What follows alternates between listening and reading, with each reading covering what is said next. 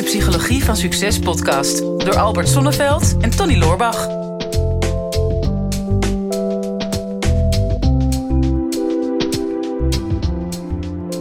Wil je een leuke statistiekje weten, Albert? Ja, ik ben altijd dol op statistieken natuurlijk, Tony. Ja, nou, dit is ook echt wel een statistiek. Dit heeft niks meer met een statistiekje te maken.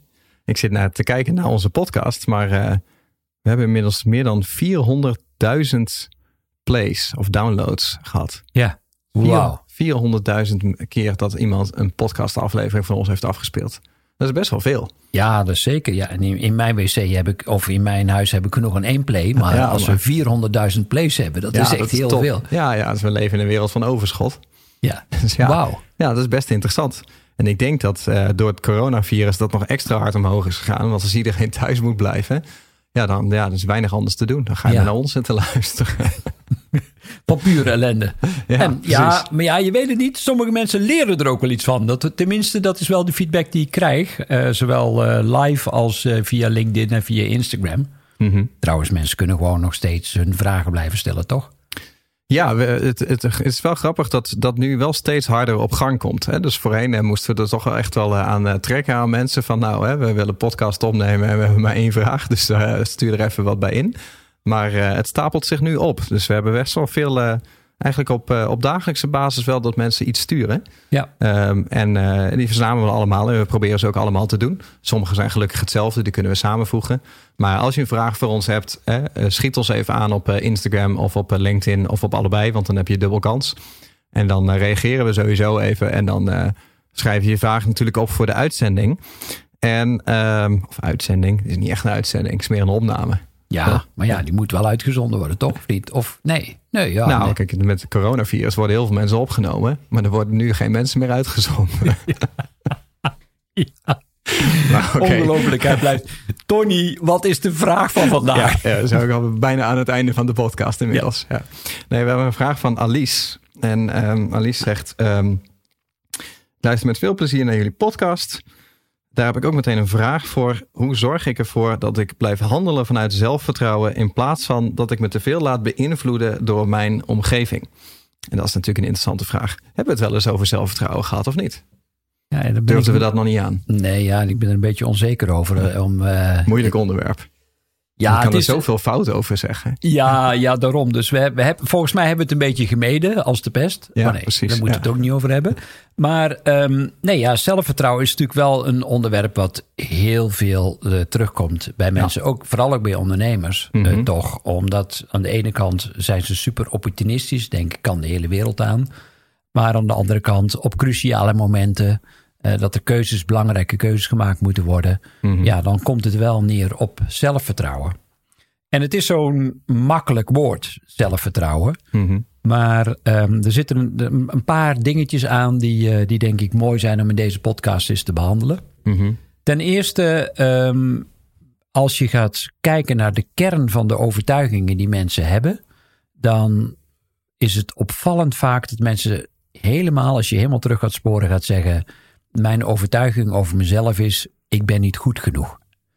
En of dat nu iets is wat hun ouders of hun opvoeders of op school dat dat verteld is, of dat door het gedrag van de omgeving dat in ieder geval door de persoon is geïnterpreteerd.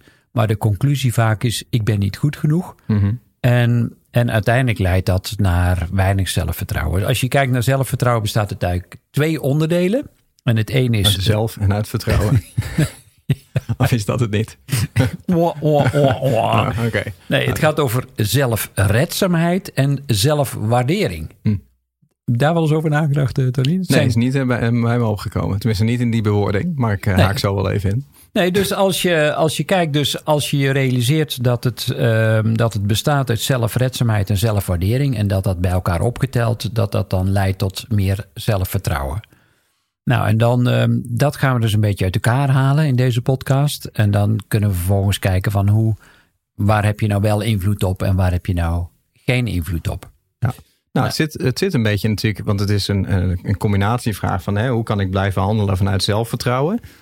Uh, en dan vervolgens, uh, zonder dat ik me laat beïnvloeden door mijn omgeving. En, en die twee zijn natuurlijk, komen wel redelijk bij elkaar. Want als jij zegt van nou, ik ben zelfredzaam of ik weet 100% zeker dat ik het bij het rechte eind heb, dan heb je zelfvertrouwen. Ja. Maar op het moment dat iemand anders zegt van je hebt het helemaal niet bij het rechte eind, het is precies het tegenovergestelde van wat jij vindt. Ja, waar je weet jij er nou van? Ja, waar ben jij er nou van? En jij zegt van, oh oké, nee, dan, eh, dan heb ik nu jouw mening. Dan, heb je, dan had je dus geen zelfvertrouwen. Nee. En dat is het toch wel vaak, dat eh, ook als je het hebt over de angst om niet goed genoeg te zijn, en, of de angst om niet geliefd te zijn. Denk, het is vaak niet voldoende dat jij jezelf goed genoeg vindt. Of dat je van jezelf houdt. De meeste mensen zoeken dat bij een ander. Van als iemand anders van mij houdt, dan voel ik me geliefd. Eh, als iemand anders mij goedkeuring geeft, dan voel ik mezelf goed genoeg. En dat is ook gewoon, ja, mensen zijn toch gewoon groepsdieren. Hè? Dus Ja. in eerste instantie ben je bezig met wat goed is voor jou. Maar het wordt toch al heel snel dat je onderdeel van de groep wil voelen. En dat, dat is ook waar, waar onze overlevingsinstincten zitten. Mensen kunnen helemaal niet zonder andere mensen. En op het moment dat je geaccepteerd wil worden in de groep en de veiligheid van een groep wil ervaren, dan zal de rest van de groep jou eh, goed genoeg moeten vinden. En op het moment dat je geneigd bent om altijd jouw mening eh, af te stemmen op de algemene consensus van de groep, dan eh, zul je zien dat het zelfvertrouwen plaats gaat maken voor maar akkoord gaan met, met andermans mening. En er zijn zulke interessante onderzoeken ook over. Een hele beroemde van hè, complete onderzoeksgroepen in een zaal die dan een vraag wordt gesteld waar overduidelijk drie foute antwoorden zijn en één, één goede. Ehm, waarvan jij als deelnemer denkt van nou ik heb het goede antwoord. Maar je ziet dat de rest van de zaal allemaal kiest voor een van de foute antwoorden. Dat je toch gaat twijfelen. Ja. En wat, wat gebeurt er dan met jouw zelfvertrouwen op het moment dat alle andere mensen een andere mening hebben dan jij? Hè, dan, ja, dan verdwijnt het dus. En dat is een beetje de essentie van deze vraag. Ik realiseer me in één keer meer dan één persoon, dan heb je al een groep. Hè? Dus Ja. wij zijn ook een groep, Tony. Ja. Ik hoop wel dat jij me goed genoeg vindt. Nou, ligt een beetje aan hoe deze podcast gaat. ja. Ik zou goed je best doen deze keer. Zullen we zo eens gaan kijken naar eh, zelfredzaamheid? Want Ja. dat is natuurlijk wel interessant. Kun je, zelfredzaamheid gaat vooral ook over... kun je makkelijk hulp bieden in noodsituaties? En kun je ook makkelijk eh, hulp vragen? En kun je ook omgaan met tegenslagen? Dat, dat heeft veel met eh, zelfredzaamheid te maken. Als je overtuigd bent van, nou ja, linksom, rechtsom. eh, ik, ik red me wel uit deze situatie. Hoe moeilijk, hoe ingewikkeld het ook is. Dan, ehm, ja, dan heb je in ieder geval een hele solide basis. Hè, er zijn, ook daar zijn veel onderzoeken naar gedaan. Naar mensen die eh, al of niet om kunnen gaan met trauma's. En eh, een van die onderzoeken, daar, daaruit bleek ook dat eh, mensen die klem zitten in een bepaalde situatie, bijvoorbeeld omdat ze gegijzeld zijn of omdat ze op een of andere manier niet weg kunnen, of omdat ze weet ik, vastzitten op een vliegveld of dat soort dingen. Op het moment dat, dat iemand van die groep zoiets heeft, ja, dat kan er wel zo zijn, maar ik ga op mijn manier toch kijken hoe ik hier kan ontsnappen. Dat die vaak, eh, als je ze daarna gaat testen, blijkt dat die veel weerbaarder is voor um, trauma en uh, voor, uh, voor intense stress op dat moment. Mm-hmm. En mijn mantra is ook: er is altijd een weg. Mm-hmm. En dat geeft mij zo'n ongelooflijk goed gevoel dat ik, uh, hoe ingewikkeld de situatie ook is, sterker nog, als hoe ingewikkelder dat die is, hoe meer dat ik letterlijk en figuurlijk tot leven kom. Dus ik zoek ook ingewikkelde situaties op of ingewikkelde mensen. Ik kijk niemand persoonlijk aan nu, maar. Mm-hmm. Um, ja, maar wat in deze groep is het ook lastig om niet één specifiek iemand aan te kijken. ja, ja. En dan, en dan, um, dan met die mantra, er is altijd een weg. Dan heb ik altijd het gevoel dat ik een keuzemogelijkheid heb. En dat is een sterk onderdeel van, van zelfredzaamheid. Mm-hmm. En je weet ook in de definitie van omgaan, om kunnen gaan met stress, is stress wordt pas stress op het moment dat je het gevoel hebt dat je geen keuzemogelijkheid hebt. Mm-hmm. En er is altijd een keuzemogelijkheid. Um, ook al kun je de situatie niet veranderen, je kunt je eigen houding ten opzichte van de situatie, daar heb je wel degelijk invloed op. He, je kunt het je meer aantrekken of je kunt het je minder aantrekken. Mm-hmm. En dat zie je wel bij mensen met weinig zelfvertrouwen, dat ze zich inderdaad ook heel erg laten leiden door uh, de mening van de omgeving of, of wat er gebeurt in de situatie. Dat betrekken ze heel erg op hun eigen persoonlijkheid. Terwijl mm-hmm. ja, dingen gebeuren nou eenmaal. Uh, en dat is niet zo interessant. Hoe ga je ermee om? Dat is veel interessanter. Ja. En daarin zie ik ook het onderscheid tussen succesvolle en minder succesvolle ondernemers. Is um, dat met name de succesvolle ondernemers ja, die maken toch vaak wel heftige dingen mee. Uh, soms zelfs wel faillissementen of uh, dingen met vakbonden of uh, nou ja, ondernemingsraden of wat dan ook. waarbij er heel veel druk op die persoon ligt op dat moment.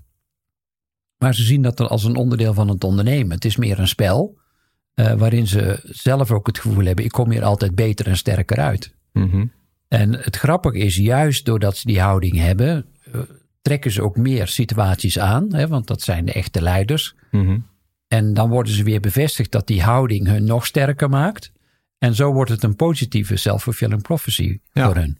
Nou, het heeft een mooie, een mooie link met, uh, met mijn vak, met online marketing. Kijk, als ik um, mensen bijvoorbeeld advies geef over hun marketingstrategie of over het bouwen van hun website, dan geven we altijd aan van oké, okay, um, een bezoeker komt op jouw website die, die, die kent jou verder niet. Die is, die is onrustig. En een onrustige bezoeker kan je heel lastig sturen. Hè? En kan je heel lastig aanspreken. En je wil dat iemand die op jouw website komt, dat hij zich aangesproken voelt door jou. Dus we hebben daar altijd een standaard rijtje voor. Met, uh, het begint met herkenning. En herkenning leidt tot vertrouwen. En vertrouwen leidt tot ontspanning. En je kan iemand het best beïnvloeden op het moment dat hij ontspannen is. En het interessante is dat je ook, in vergelijking met jouw verhaal, daar zit zeg maar de herkenning is eigenlijk de, de gemene deler. Want op het hmm. moment dat um, ik als een klant zeg maar ergens naar zoek, bijvoorbeeld uh, ik zoek op, uh, nou wat, wat zullen we eens, uh, eens kopen? Een, mondkapjes. Een mondkapje tegen corona. En ik kom op een, op een website waar staat wij verkopen mondkapjes tegen corona. dan, dan is er instant herkenning. En um, dat is ook als het gaat om zelfvertrouwen. Van, hè, op het moment dat jij voor een situatie staat wat, wat nieuw voor jou is, dan is er nog geen herkenning. En als er geen herkenning is, dan is er dus ook geen vertrouwen. En als er geen vertrouwen is, dan is er ook geen ontspanning. En dan ga je er dus gespannen in, al dan niet zonder zelfvertrouwen. Ja. maar dat merk je aan wat jij noemt met al die ondernemers die voor heel veel uitdagingen komen te staan. Dat um, het gemiddelde probleem wat een mens heeft, dat hebben zij al, al in een tienvoud of in een honderdvoud al meegemaakt. En ze weten van zichzelf van ja, maar uh, ik heb die herkenning. Ik weet precies hoe dit straks zou, zal gaan. Dus ik heb er vertrouwen in dat ik die situatie onder controle heb. En dat ik me daar goed uitred. En dat maakt wel interessant. Dus als je zoiets hebt van nou, ik heb te weinig zelfvertrouwen, betekent misschien eigenlijk ergens dat je gewoon te weinig levenservaring hebt. Ja, uh, in ieder geval op dat moment. En, en eh, dat is ook het. Uh, het lastige bij zelfvertrouwen, dat, dat kun je ook niet uit een boekje leren. Want er, mhm. er zijn natuurlijk zijn er allerlei boeken over uh, hoe je zelfvertrouwen kunt ontwikkelen. Maar er is maar één manier om dat te doen. En dat is het ook werkelijk in de praktijk te brengen. Mm vorige week werd ik gevraagd door een van mijn klanten om mee te gaan naar een uh, racecircuit. Ik heb nog nooit in een raceauto gezeten. Mhm. Maar hij wilde er graag twee testen. En uh, we hadden eerst op zijn kantoor afgesproken, maar hij zegt ja, ik moet voor een bepaalde tijd op het uh, circuit in uh, Wezen zijn. Dat is zo'n uh, een deel van het vliegveld wat afgesloten is, waar je zo hard als dat het maar mogelijk is mag rijden met zo'n ding. Mm En nou ja, we kwamen daar aan en die auto's werden getest. En op een gegeven moment werd er gevraagd van, goh Albert, wil jij ook in die auto zitten? En toen had ik zoiets, ja. ik heb het er nooit gedaan. Ja. Maar ik weet wel hoe ik me uit lastige situaties uh, moet, moet uh, redden. En, ja, door uh, ja te zeggen. Nou ja, de, de monteurs die zeiden van... nou Albert, neem je kotzakjes maar vast mee. Want je mm -hmm. gaat met een aantal kampioenen stap je in de auto... die mm. Europees kampioen rallyrijden zijn geweest. Maar ik wist wel op het moment dat ik... en dat, dat gaat weer over zelfredzaamheid. ja, ik, ik weet gewoon op het moment dat ik mezelf dan compleet kan ontspannen... me niet schrap zet mm -hmm. in zo'n situatie... maar juist helemaal meebewegen als een soort aikido-leraar die, die op het moment dat hij wordt aangevallen juist de tegenstander op het verkeerde been zet door soepel en ontspannend te bewegen. En ja, ik begon het eigenlijk steeds leuker te vinden. Mhm. En op een gegeven moment kreeg ik zelfs de vraag van... Goh, eh, wil je zelf een keer uh, rijden? Mhm. En uh, in het begin zag er dat even uit als een lesauto. Maar na verloop van tijd zat ik alleen in die raceauto. Oh ja. En ik vond het uh, fantastisch gewoon. Ik, ook daar zaten weer heel veel levenslessen in. Mm -hmm. Nou, ik heb uh, het hele weekend nog de adrenaline strak achter mijn oren gehad. Oh ja. Uh, want nou, mijn hele systeem was echt zwaar opgefokt bij die snelheden en bij, bij die risico's. En tegelijkertijd uh, is dat weer zo'n ervaring die me enorm sterkt in het, in het autorijden. Want Mhm. daarna uh, reed ik naar Zeeland. En ik merkte gewoon dat ik al heel anders in mijn eigen auto zat. Een paar keer geflitst onderweg naar Zeeland. Dankzij Flitsmeister ben ik daar veilig doorheen gegaan. Nou, is maar een voorbeeld um, dat ik ja, een beetje wat Pippi Langkous uh, ook zegt is van ja, ik, uh, ik, ik doe het. Ik weet zeker dat het lukt, want ik heb het nog nooit gedaan. Ja. Uh, juist door het dan te doen, groei je enorm in zelfvertrouwen. Ja, ja dus, je, dus wat je eigenlijk zegt is van in eerste instantie, je hebt zelfvertrouwen als je datgene wat je gaat doen al een keer eerder hebt gedaan. En je weet dat, dat, je, dat het niet zo spannend was of dat je net kan. Dan heb je altijd wel zelfvertrouwen. Ja. Um, ofwel, je hebt dat niet. Dan denk je, ja, dan kan je het alleen maar doen door te ervaren. Maar dan kan je misschien teruggrijpen naar een vergelijkbare ervaring die je in je leven hebt gehad. Of de laatste keer dat je ergens bang voor was. Hoe dat, hoe dat toen is afgelopen. En ik denk dat het, hè, dat is natuurlijk altijd. Hè, jij hebt ook wel eens gezegd, um, prachtige uitspraak. Volgens mij is die van, um, dan ben ik deze naam kwijt, de I Have a Dream uh, man. Wauw, hoe kan ik dat nou kwijt zijn? Ja, maar uh, misschien goed die naam. Martin Luther King, ja, ja. wauw. Uh, van de uitspraak: angst klopte op de deur, vertrouwen deed open en zag niemand staan. Ja. En vertrouwen is dus de remedie tegen angst. Betekent dus ook dat als je geen vertrouwen hebt, en dat is het probleem, dat, dat je dus te maken hebt met angst. En daar moet een oplossing voor komen. Alleen het is vaak een visieuze cirkel. Net als het bijvoorbeeld over, stel dat je gaat daten en je hebt zoiets van, nou, ik loop straks de discotheek in en ik moet allemaal mensen gaan aanspreken en ik moet iemand gaan versieren dat gaat je niet lukken als je geen zelfvertrouwen hebt. Nee. Want als je geen zelfvertrouwen hebt, dan ben je namelijk niet aantrekkelijk. Over het algemeen, hè? even af, uh, uh, afgerond, laat het zo maar noemen, gemiddeld genomen. En je kan niet tegen jezelf zeggen van oké, dan heb ik nu maar ineens zelfvertrouwen. Want dan ben ik aantrekkelijk en dan gaat het me lukken. Maar dus eigenlijk is, is zeg maar het probleem dat je denkt dat het niet gaat lukken, is ook de reden dat het niet gaat lukken. Terwijl op het moment dat het een keer wel is gelukt, dan heb je waarschijnlijk de eerstvolgende keer dat jij in die discotheek of in die kroeg staat. Dan heb je wel het vertrouwen, want je grijpt terug naar de vorige keer. En dat straal je ook uit, waardoor je heel aantrekkelijk bent. Dus het is een soort van uh, hot hand fenomeen. Hè? Van je, hebt, uh, je zit aan de pokertafel, je hebt net vijf rondes gewonnen. Dus waarschijnlijk ga je de volgende vijf rondes ook winnen. Maar als je net vijf rondes hebt verloren, dan twijfel je of je nog wel een ronde mee gaat doen. Dus dat patroon, dat zul je ergens moeten doorbreken. Ofwel door het gewoon te doen. En te hopen dat daar een ervaring uitkomt waardoor het steeds makkelijker gaat. Ofwel door terug te grijpen op een andere ervaring. Dat je zegt van nou, dit heb ik gedaan, was vergelijkbaar, is ook goed gegaan. Dus dit zal waarschijnlijk ook wel lukken. Ja, en dat is, uh, dat is denk ik wat je kunt doen als je wil groeien in zelfvertrouwen. Het, het begint sowieso met het denken. Mm -hmm. Dat uh, ergens herken je dan bij jezelf de gedachte, ja, ik ben niet goed genoeg. En misschien zeg je dat ook wel vaak genoeg tegen jezelf. Maar op het moment dat je dat herkent bij jezelf, dan weet je ook dat je daar iets tegenover kunt stellen. Van er zijn ook een aantal ervaringen die, waarvan ik weet dat ik misschien dacht ik ben niet goed genoeg, maar het is toch gelukt. Mm -hmm. Dus je bent in eerste instantie ben je altijd baas over je eigen denken. Uh, dat mm -hmm. kan niemand anders voor je doen. Jij kunt bepalen of je ergens positief ingaat of negatief.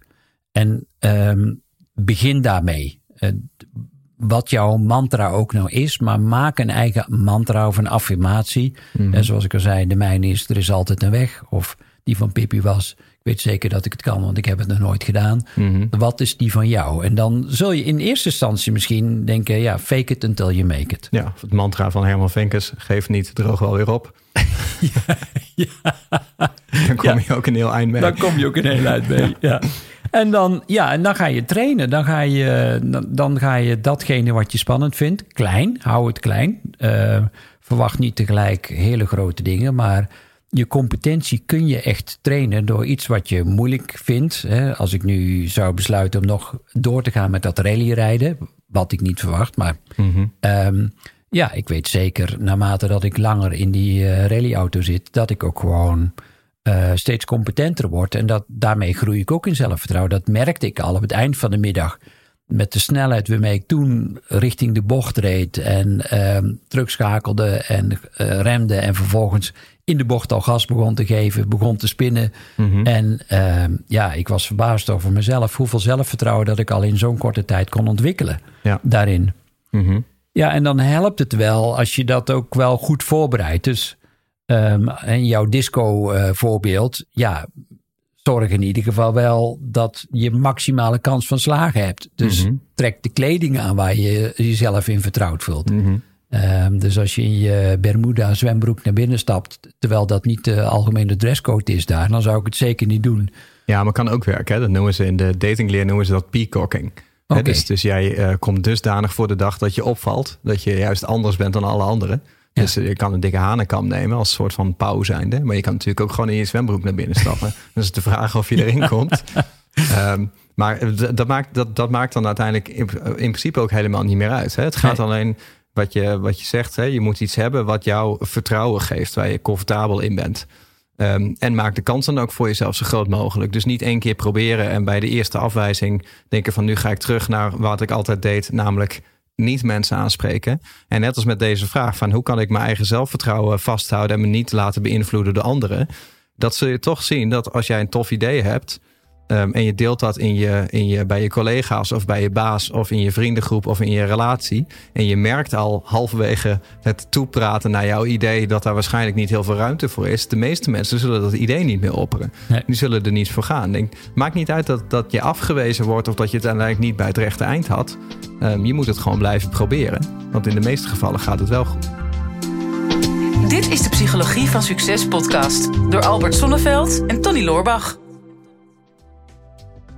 Ja, beste luisteraars, dat was hem alweer voor vandaag. Weer een aflevering voorbij van uh, de psychologie van succes. Ik hoop dat je het waardevol hebt gevonden en um, wat je ons dat ook zou willen laten weten. Uh, mocht je nog niet geabonneerd zijn op onze podcast, doe dat dan even. En wat we heel erg tof zouden vinden, is als je ook even een review zou willen achterlaten. We vinden het natuurlijk heel leuk om te horen van jou wat je van de podcast vond, welke inzichten je eruit hebt gehaald en om dat natuurlijk in de review-sectie terug te gaan lezen. Heb je nou een vraag en je zou graag met jouw vraag in de uitzending willen komen? Stel hem dan op eh, de social media. Onze kanalen zijn vooral LinkedIn en natuurlijk Instagram. De beste vragen pakken we eruit en grote kans dat je dan terugkomt in deze podcast.